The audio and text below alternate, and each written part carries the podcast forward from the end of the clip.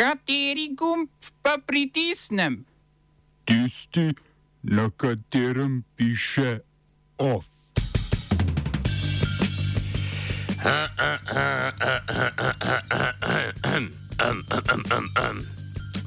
No, smo si gor, gremo.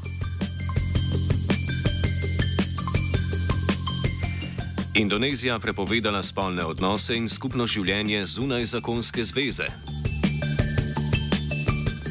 Akcijski načrt Evropske unije za Zahodni Balkan za prostovoljna in neprostovoljna vračanja ljudi v države izvora.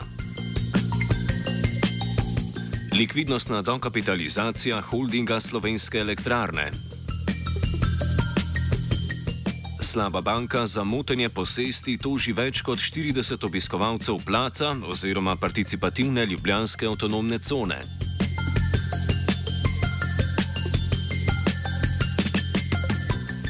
Nemško ustavno sodišče je zavrnilo ustavni pritožbi o ratifikaciji sklepa Sveta Evropske unije, ki so ga morale članice ratificirati za izvajanje osrednjega dela 750 milijard vrednega sklada za okrevanje po koronski krizi.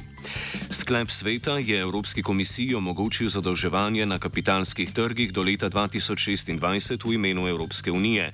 Pritožbo proti sklepu sta vložila soustanovitelj desničarske alternative za Nemčijo Bernd Luke in poslovnež Heinrich Weiss, ker po njunem mnenju program nima podlage v evropskem pravu. Ustavno sodišče pa je razsodilo, da trditve pritožnikov ne držijo in da sklep ima pravno podlago. Prav tako zakon o ratifikaciji sklepa po odločitvi sodišča ne krši pravice pritožnikov do demokratičnega odločanja in ne posega v splošno proračunsko odgovornost nemškega Bundestaga.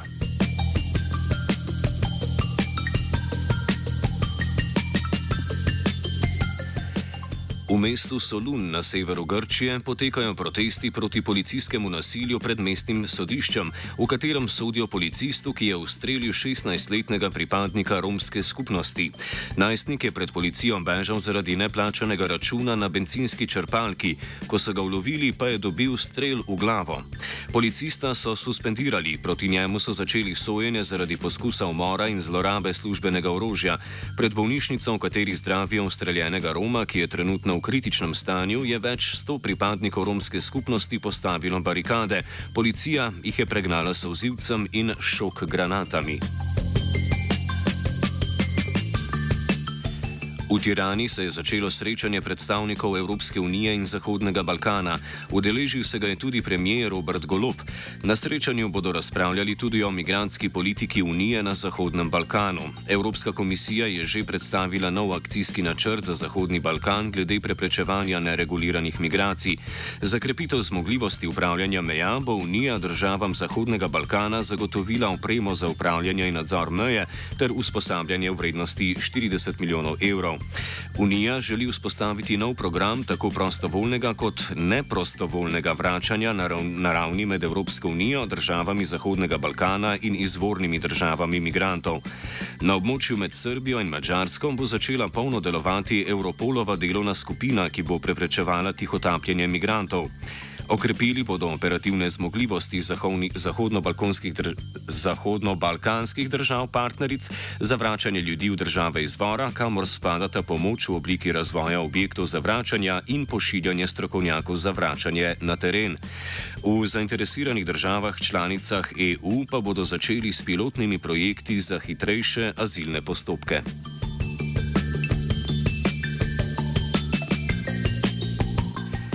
Rusko obrambno ministrstvo je Ukrajino obtožilo napadov na dve letalski bazi globoko v notranjosti Rusije. Gre za bazi Engels 2 blizu meje s Kazahstanom in Djagilevo, ki leži manj kot 250 km od Moskve. V primeru, da Ukrajina prevzame odgovornost za napada, bo to najgloblji napad v notranjost Rusije od začetka ruske agresije.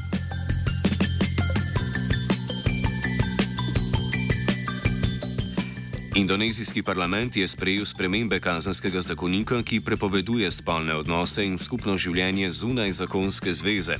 V zakoniku so hkrati prepovedali še žaljenje predsednika, državnih ustanov in državne ideologije. Spremembe bodo začele veljati čez tri leta. Zakonik bo veljal tudi za tuje državljane. Zagrožena je denarna kazen oziroma do leto dni zapora za izvenzakonske spolne odnose, do tri leta zapora pa za žaljenje institucij. Ministr za pravosodje in človekove pravice Jasona Laoli je zakon predstavil kot distanciranje od kolonialnega kazenskega zakonika. Več, več organizacij, med njimi tudi indonezijska veja Amnesty International, je kritičnih do vsebine zakona, čigar osnutek je leta 2019 sprožil študentske proteste po vsej državi. Smo se osamosvojili, nismo se pa osvobodili.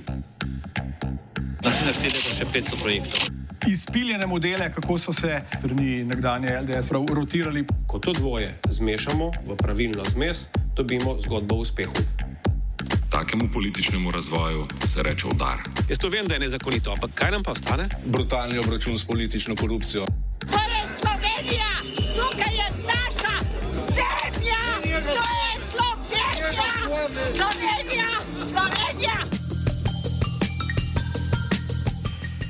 Družba za upravljanje terjatov bank, znana kot Slaba banka, toži prek 40 obiskovalcev in obiskovalk participativne ljubljanske avtonomne cone, krajše Plac. Očita jim motenje posesti in zahteva izpraznitev prostorov na Linhartovi cesti 43. Gre večinoma za obiskovalce, ki jih je policija popisala na prvi in drugi dan javne zasedbe zapuščenih prostorov nekdanjega cestnega podjetja Ljubljana. Okrajno sodišče v Ljubljani je že izdalo sklep, s katerim je na zahtevo slabe banke prepoznalo avtonomno cono kot samostojno stranko v postopku, če tudi plac ni pravna oseba, prav tako pa ne obstaja nobena fizična oseba, ki bi plac zastopala. Tožnik je dokazoval, da je plac tako imenovana societeta, kar pomeni nekakšno društvo, lahko tudi neformalno, na podlagi družbene pogodbe. Vzpostavitev družbene pogodbe naj bi se v placu zgodila s pozivi obiskovalcem naj prinesejo hrano, obleke in pohištvo.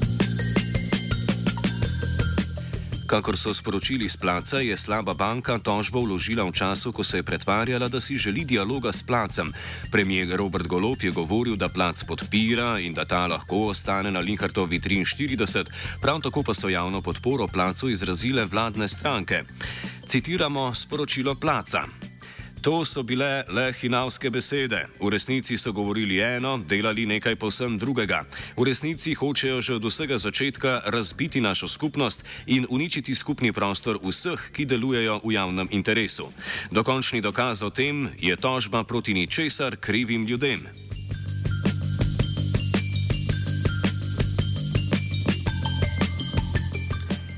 Država je oplačala 300 milijonov evrov za premostitev likvidnostnega primankljaja holdinga Slovenske elektrarne oziroma HSE. To je prvi od dveh zneskov do kapitalizacije, drugi šteje 192 milijonov evrov in potrebuje vladno potrditev. Predvidoma bo vplačan do 15. decembra. Vzrokov za težko finančno situacijo skupine HSE naj bi bilo več.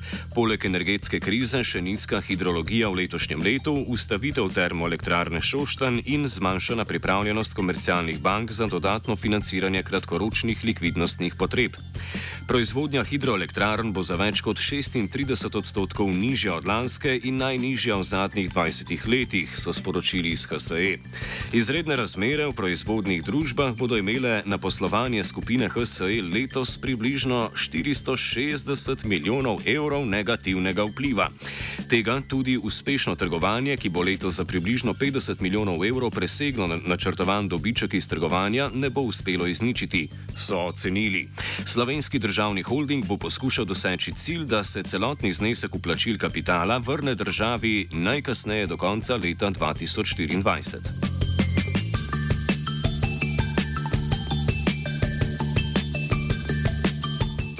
OF je pripravil vajenec Tilen, mentoriral je Martin.